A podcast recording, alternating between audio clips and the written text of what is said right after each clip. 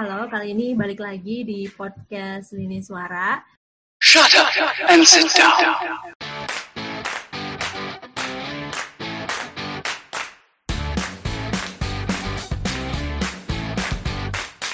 Kali ini bareng gue Siska Mahalia. Di Sabtu malam kali ini kita bakal diskusi-diskusi ringan dan ngobrol-ngobrol santai soal pengaruh keaktifan organisasi dan pengalaman selama kuliah terhadap dunia kerja. Hari ini gue nggak bakal sendirian, gue bakal ngobrol sama seseorang nih yang katanya punya segudang pengalaman mengenai organisasi baik pas beliau masih kuliah maupun pas SMA-nya. Nah pasti kan mantap banget tuh. Nah langsung aja nih daripada penasaran langsung aja. Selamat malam Kang Andi. Selamat malam. Ini enaknya manggilnya, iya, ini enaknya manggilnya apa nih Kang Andi, Mas Andi atau gimana nih? Ya saya sih Kang sih. Oh Kang. Oke okay, Kang. Boleh. Kang boleh gitu ya. Ini pasti udah pada penasaran banget nih Kang. Kira-kira gimana sih um, pengalaman-pengalaman atau keaktifan di organisasi itu apa aja sih pengaruhnya ke dunia kerja? Mungkin sebelumnya um, bisa langsung aja nih. Kira-kira organisasi apa aja sih yang udah Kang Andi ikutin selama ini? So, langsung aja waktu dan tempat silahkan Kang Andi.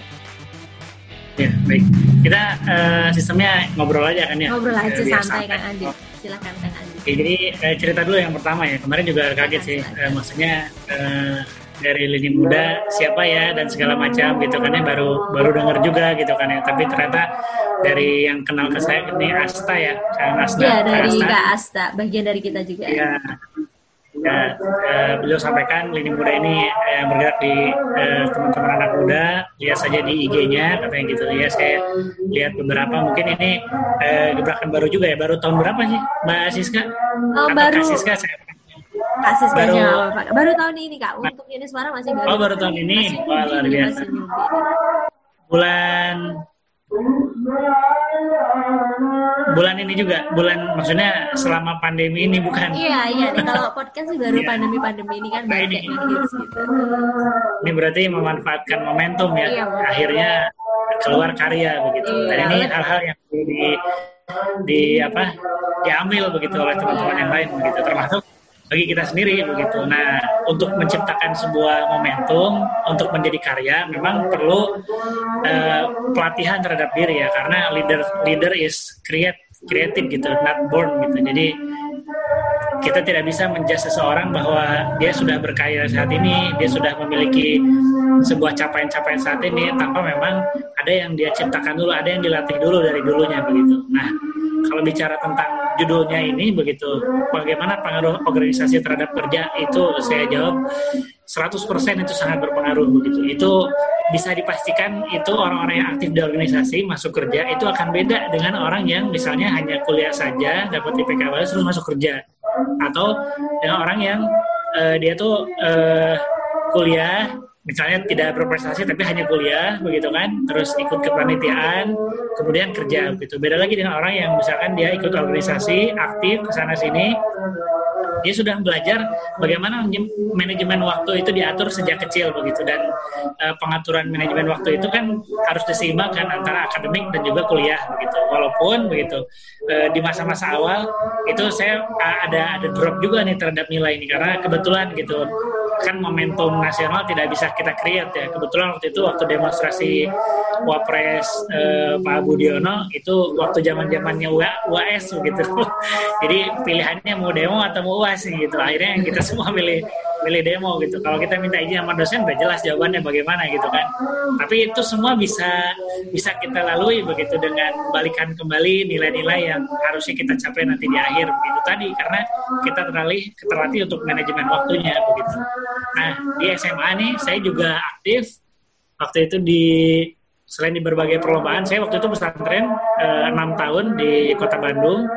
Saya aktif di Ikatan Pelajar Persatuan Islam nah, pada tahun 2010. Itu 2009 saya terpilih menjadi ketua OSIS. Setelah itu dipilih pertemuan OSIS Pelajar Persatuan Islam senasional. Akhirnya dibentuk Ikatan Pelajar Persatuan Islam. Nah, di situ organisasi pertama kali yang menghimpun ormas ya kalau kalian teman-teman hafal ormas Persatuan Islam yang se apa segrade-nya itu dengan Nahdlatul Ulama, dengan Muhammadiyah begitu. Nah, ada yeah. Persatuan Islam gitu. Nah, ada ikatan pelajar nih yang baru begitu, embrio baru yang muncul di keluarga Persatuan Islam itu ikatan pelajar Persatuan Islam. Nah, eh, terpilihlah waktu itu saya sebagai ketua pertama di waktu mau ujian nasional begitu saya terpilih. Itu saya sebenarnya kepikiran kata orang tua uh, insya Allah katanya ada jalan karena nggak mungkin Allah membenturkan amanah dengan amanah. Maksudnya ketika kita diamanahkan di organisasi, terus kita juga diamanahkan untuk belajar. Kita juga terpilih bukan mau kita begitu, tapi kan ditunjuk begitu. Akhirnya semua bisa berjalan gitu. Di saat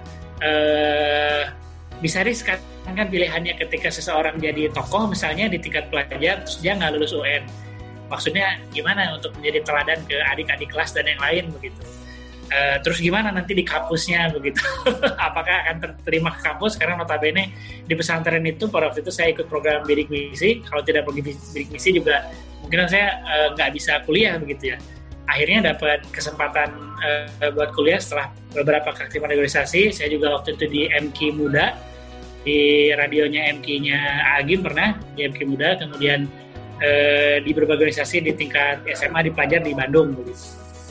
Nah setelah itu uh, saya masuk ke kampus begitu. Uh, di kampus juga uh, inisiat untuk membuat uh, himpunan mahasiswa bidik misi ya gitu. Jadi beasiswa ini di pada waktu pertama kali muncul 2010 itu ternyata banyak sekali begitu yang yang masuk di satu kampus begitu. Di, di akhirnya waktu itu saya ingat satu angkatan saja saya ada 400 orang begitu. Itu bisa satu jurusan mungkin satu prodi ya gitu. 400 orang. Makanya harus dibuat semacam paguyuban. Nah kita create untuk mengakomodir dulu kan yang namanya bidik misi itu harus ada penilaian-penilaian begitu harus ada uh, apa capaian-capaian yang tidak boleh mundur dari sisi ya, akademis Nah, begitu. Kang Andi angkatan tahun berapa sih Kang Andi ini? Angkatan tahun berapa? 2011. Berarti itu pertama kali memang benar-benar pertama kali bidik misi ada gitu ya, Kang Andi ya? Iya, betul. Jadi 2010 itu mereka ya mereka semua angkatan 2010 itu masih ngerasa ya udah kita belum berhimpun apa-apa lah. Nah, 2011 baru kepikiran gitu. Gimana caranya berhimpun. Entah itu nanti kita, uh, ikut ke Padang di nasional kemudian di Makassar dan lain-lain. Tapi di samping itu bidik misi itu sambilan sebetulnya karena kewajiban kita di kampus gitu. Tapi yang jadi utama saat itu di yang menarik itu waktu ospek jurusan begitu. Tapi Andi ini dari Unpad ya Kang Andi ya? Unpad, iya betul. ya. Unpad jurusan ilmu pemerintahan Berarti ini benar-benar menginisiasi awalnya si organisasi Persatuan Mahasiswa dan Alumni Bidik Misi ini benar-benar Kang Andi ya yang menginisiasinya ya ini ya dulu awalnya ya. Iya, ya. Yang yang pertama menjadi ketua ya, walaupun yang inisiasi idenya kan ada angkatan dari hmm. 2010. Saya juga saya juga tidak menafikan bahwa ada ada angkatan di atas saya yang mengkreat begitu, tapi kan yang melaksanakan akhirnya di angkatan saya ke bawah. adalah Kang Andi begitu. Ya, ke bawah. Nah, di samping itu Kak Siska, yang yang menarik waktu itu ya waktu ospek masa ospek ini belum selesai nih masa ospek. Uh, kan tingkatan ospeknya tiga kali kalau di kampus waktu itu ospek universitas ospek fakultas kemudian masuk ospek jurusan. Ospek jurusan ini bisa satu bulan begitu.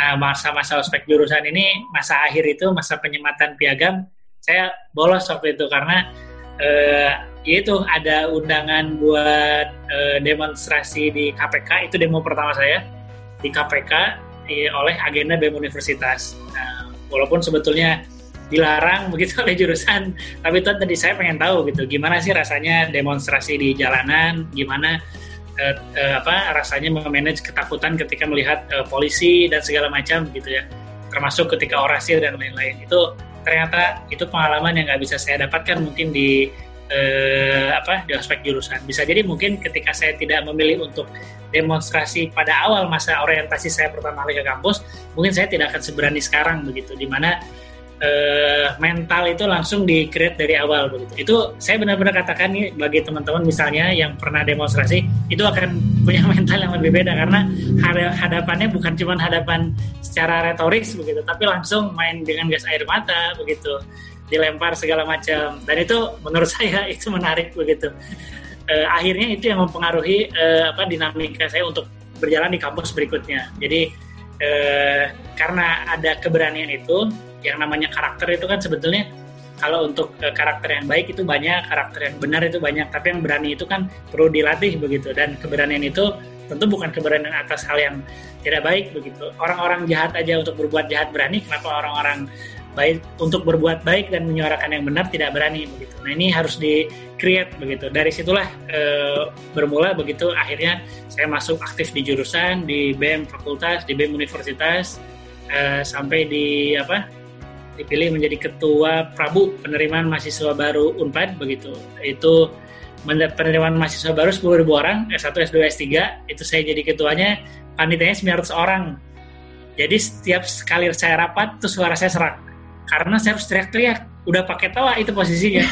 Sekali ini, nih Kang Adi ini kan aku dengar nih jurusannya kan ilmu pemerintahan ya. Itu kayak ada ya. background gak sih? Ini anak pemerintahan harus demo harus organisasi atau emang panggilan jiwa nih? Atau semua teman-teman semua nih yang jurusnya jurusannya nggak ilmu politik nggak ilmu pemerintahan tetap kita harus punya jiwa untuk organisasi jiwa untuk berani demo. Hmm. nggak demo juga sih sebenarnya ya. Pokoknya berani untuk berorganisasi gitu nggak ada background kan nggak pengaruh kan Kak? Andi atau gimana Kak Andi? Gimana Kak nggak ada. Gimana Kak Andi? Nah jadi untuk memiliki apa uh, passionate terhadap uh, organisasi itu memang apa pun jurusannya ya kita bisa aktif di mana pun begitu. Kebetulan karena jurusan ilmu pemerintahan jadi laboratorium yang sudah diajarkan di kelas itu kan organisasinya gitu. Jadi dosen tuh melihat keaktifan kita kalau di jurusan ilmu pemerintahan. Jadi organisasi apa yang diambil, kemudian apa peran kamu gitu karena harus jadi lead kalau ditarget oleh uh, dosen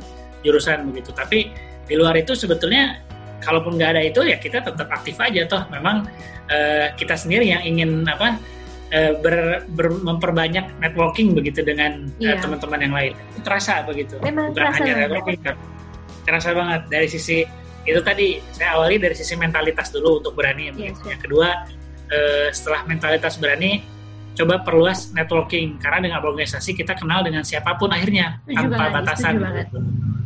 Gitu itu tanpa batasan dan kedua itu dengan eh, apa berputar terus untuk membentuk kita tidak ada di zona nyaman terus menerus begitu yang misalnya ya kita ngerasa aman istilahnya kalau orang kantor jangan safety player lalu katanya gitu. Jangan jadi pemain aman gitu.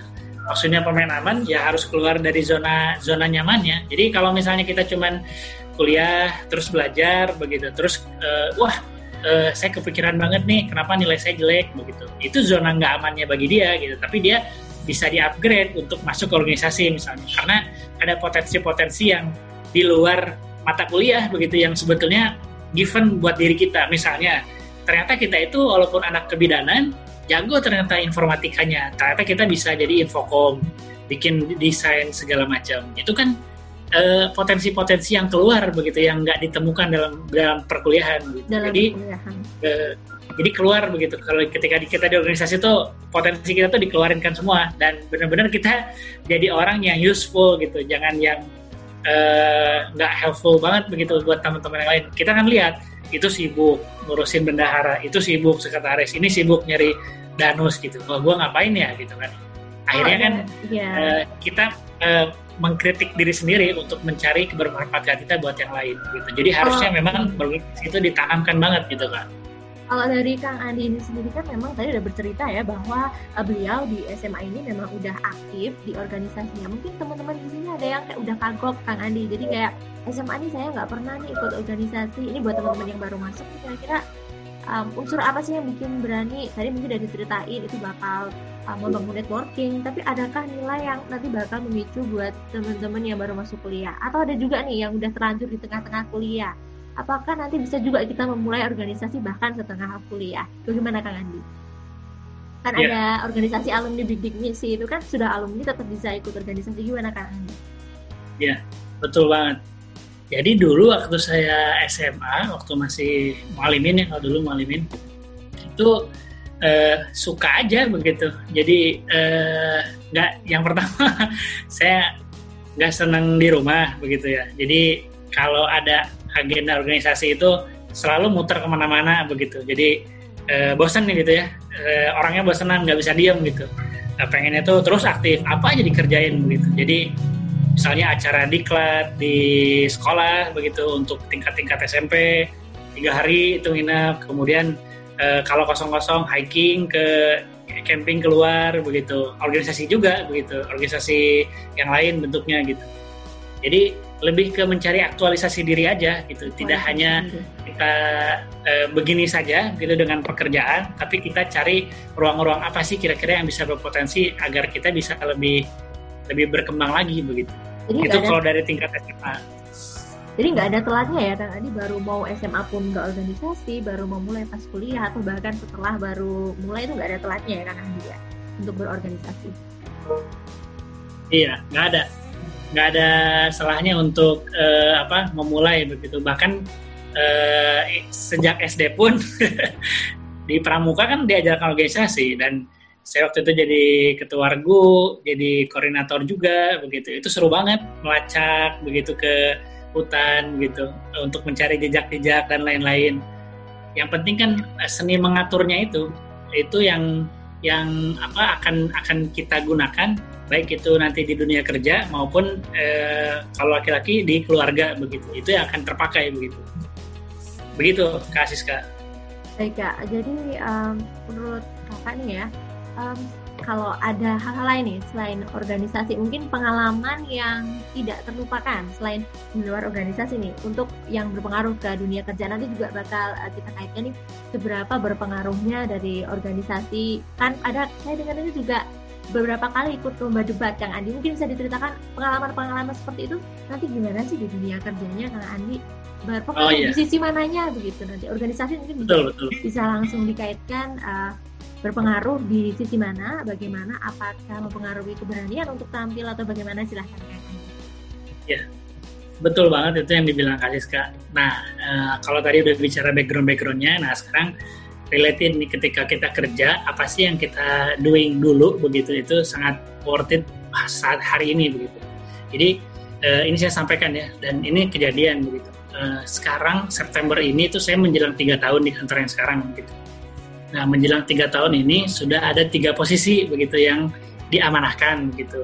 Dimulai posisinya level uh, officer, kemudian dipromot menjadi asisten manager, kemudian tambah lagi amanah baru sebagai sekretaris jenderal Formula E di Jakarta gitu. Nah, untuk uh, uh, karir seperti itu begitu ya, ternyata saya dapatkan dari hasil bersosialisasi dengan uh, teman-teman di rekan kerja semua begitu. Tidak ada istilah uh, saya tidak diterima di lingkungan kerja karena yang saya pikirin cuman yang penting saya kerja pulang dapat gaji begitu. Nggak kayak gitu gitu. Tapi seorang uh, organisator itu ketika masuk kerja gimana caranya yang pertama kita bisa diterima secara sosial di sini. Itu penting. Karena nanti akan ada transfer begitu ilmu dari orang-orang yang uh, sudah senior begitu, yang beda usia dengan kita, atau yang sudah senior seusia dengan kita tapi sudah uh, lebih paham dalam hal pekerjaan itu. Misalnya, ini saya sampaikan gitu, teman saya dulu nggak bisa Excel sama sekali, untuk tambah kurang pun nggak bisa begitu.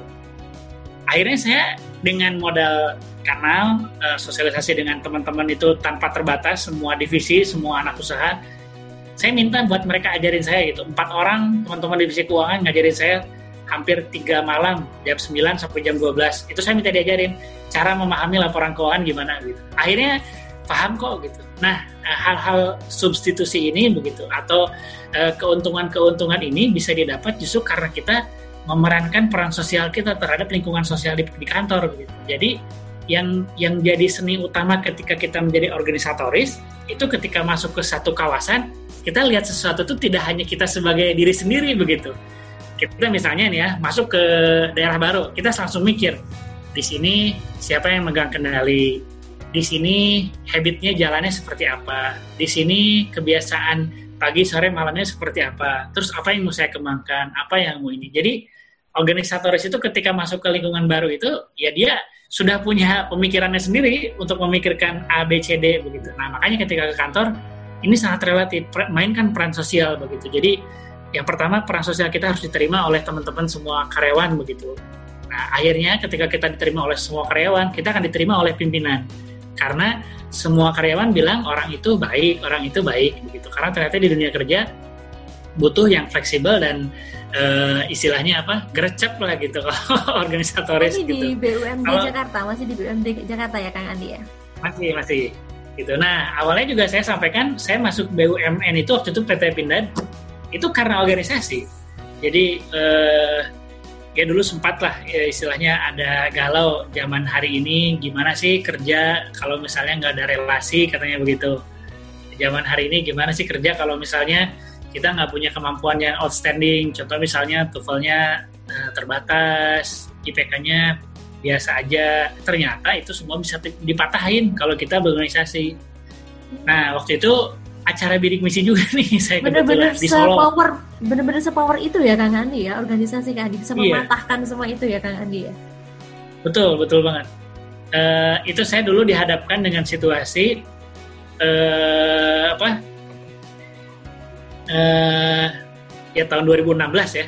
Ketika lulus mau ke mana sih gitu, mau apa, mau di mana dan segala macam. Apalagi jurusannya kan ilmu pemerintahan nyari begitu ke mana. Tapi ternyata ya Allah uh, garis kan ya walaupun ada garisnya tapi itu tadi manfaatnya dari organisasi saya diundang oleh Hak Teknas waktu itu sebagai permanisi nasional ke Solo acara Hari Kebangkitan Teknologi Nasional. Nah, waktu itu kebetulan saya dari kampus dikirim by pesawat.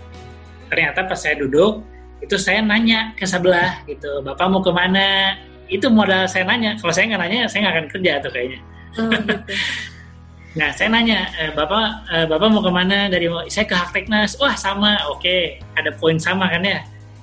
Nah, karena kan berorganisasi belajar seni komunikasi seni kan. Seni komunikasi ya kan? bener kan Andi bisa kayak luas ya nah, ya ngobrol sama siapa aja karena jadi, sering. Nah, jadi lugas sama siapa ngobrol.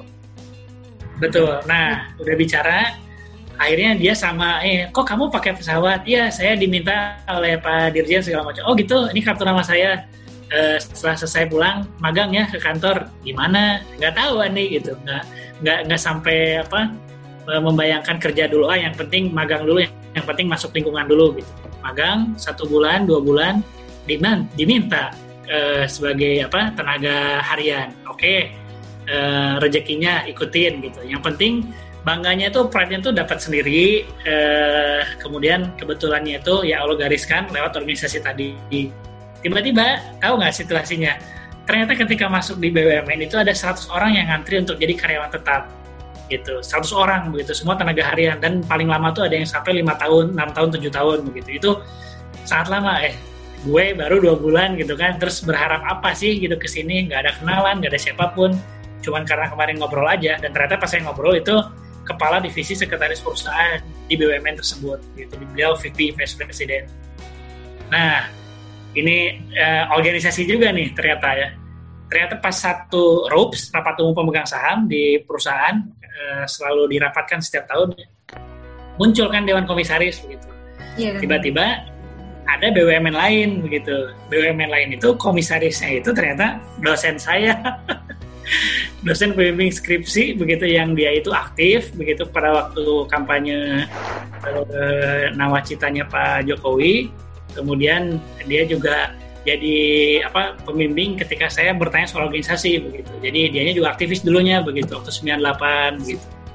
Nah, udahlah saya ditarik sama dia dipanggil di RUT, ini mahasiswa saya katanya udah. Jadi akhirnya koneksi saya langsung ke di RUT gitu. Sampai teman-teman BUMN lain tuh nggak nggak nggak berani bilang A B C D, ya silahkan, ya silahkan. Wah, gue bilang ini kalau nggak karena kenal, kalau nggak karena aktif di organisasi, nggak bisa nih kejadian kayak gini. Aksesibelnya tuh unlimited gitu, tidak terbatas. Gitu. Padahal kesempatan memang ya, sepertinya ada terus karena berorganisasi, sering bergerak ke kanan, nah, ke kiri, betul. itu menimbulkan Uh, kesempatan yang lebih luas begitu Kang Andi ya. Jadi teman-teman nih betul, yang betul, bisa betul. kita petik dari Kang Andi nih organisasi itu akan membawa kita ke ranah yang lebih luas gitu karena kita akan yeah. uh, berjalan ke daerah lain ketemu tadi di pesawat bisa sampai dapat kerja begitu teman-teman jangan ragu untuk berorganisasi begitu teman-teman karena kita tahu nih pengaruhnya ternyata seperti itu kalau untuk di internal pas waktu bekerja Kang Andi bagaimana apakah ya. organisasi ya. juga pengalaman debat yang dimiliki itu membangun kepercayaan diri untuk lebih bisa meningkatkan posisi di kantor atau ya. bagaimana kemampuan bersaing bagaimana Kang Andi? Ya, Nah ini saya sedikit share. Di, jadi dunia kerja saya yang sekarang itu kan saya di government relation dan hubungannya langsung ke pemegang sahamnya BUMD yaitu gubernur. Uh, ketika coba mendalami pekerjaan ternyata ada tiga hal yang harus dikuasai begitu. Di pekerjaan itu yang saya blank tiga-tiganya. Satu dari sisi hukum bisnis saya blank begitu. Yang kedua eh, manajemen keuangan bisnis karena memang eh, ada penghitungan-penghitungan yang harus disampaikan ke pemegang saham gitu. Jangan sampai kita yang jadi eh, apa agentnya justru salah menyampaikan gitu. Itu yang kedua. Yang ketiga dari sisi communication gitu. Corporate communication dan ternyata punya strategi masing-masing. Tiga hal ini saya benar-benar eh, newbie lah istilahnya. Baru banget belajar di kantor. Dan di situ saya nggak pernah berhenti untuk istilahnya ya karena biasa mungkin di organisasi ya eh, sibuknya aduh bener-bener gitu ya. Ya mengatur waktunya ya Kang Adi. Organisasi nah, pasti gitu. anak organisasi itu pasti udah pasti terlatih nah, masalah waktu. Pasti kantor padahal kata orang nih lu pulang jam 12 pulang jam 1 pulang jam 11 gitu.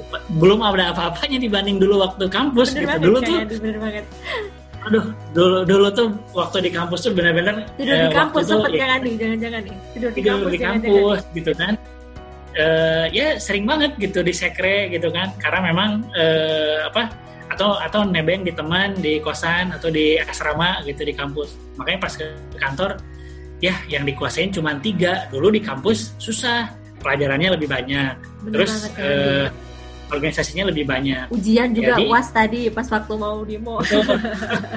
Nah kalau ini malah ke pas ke dunia kantor itu praktek dan nggak sesusah ketika uh, aktif di kampus ternyata begitu. Kalau aktif di kampus misalnya kita masuk ISEC itu komunitas baru.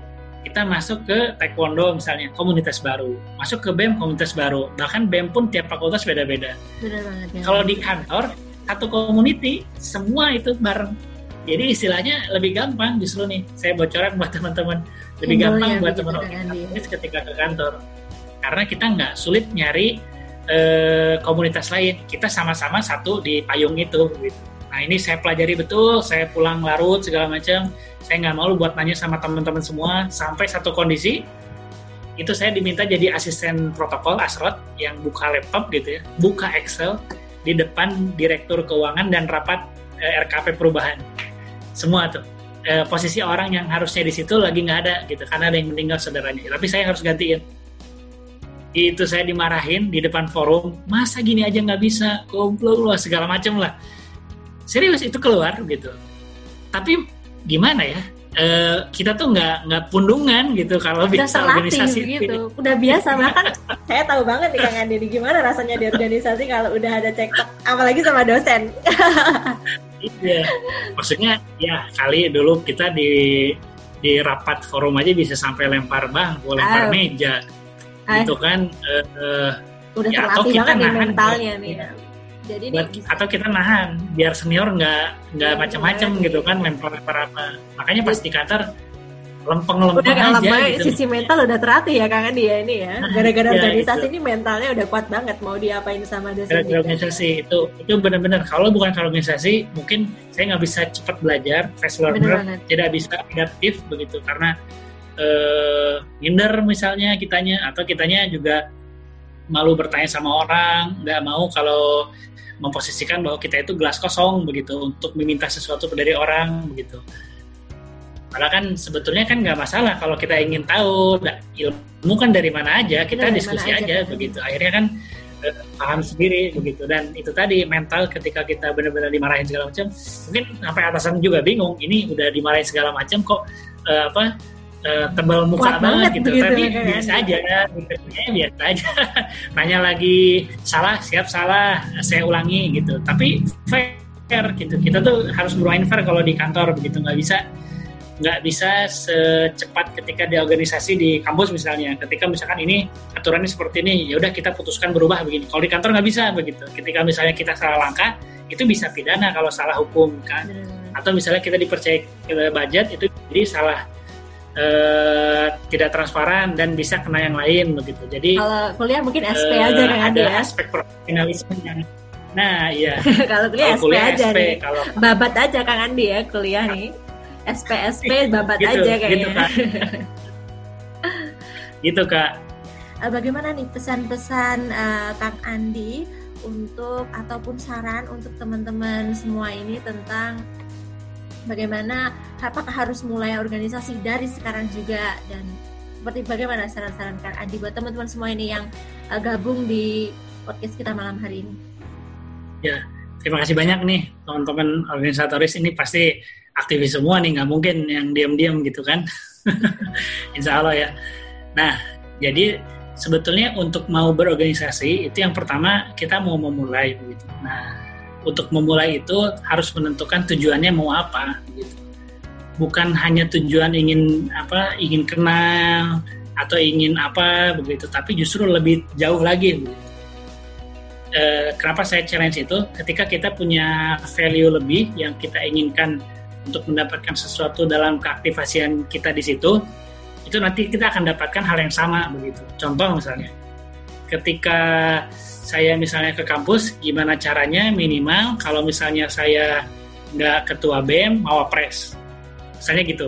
Itu itu udah udah udah dua yang menurut capaian dosen itu juga dilihat sebagai capaian tinggi begitu di sisi mahasiswa.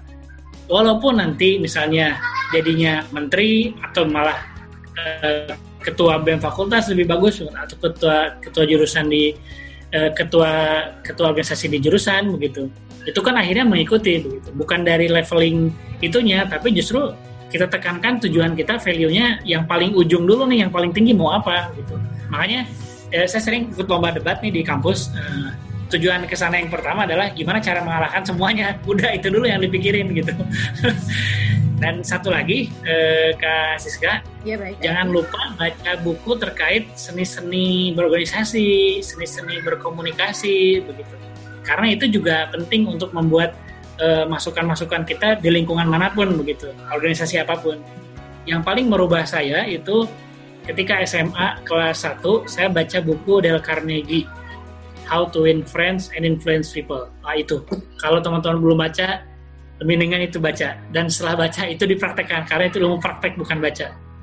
Jadi bagaimana cara e, mendapatkan teman dan mempengaruhi semua orang. Itu Del Carnegie.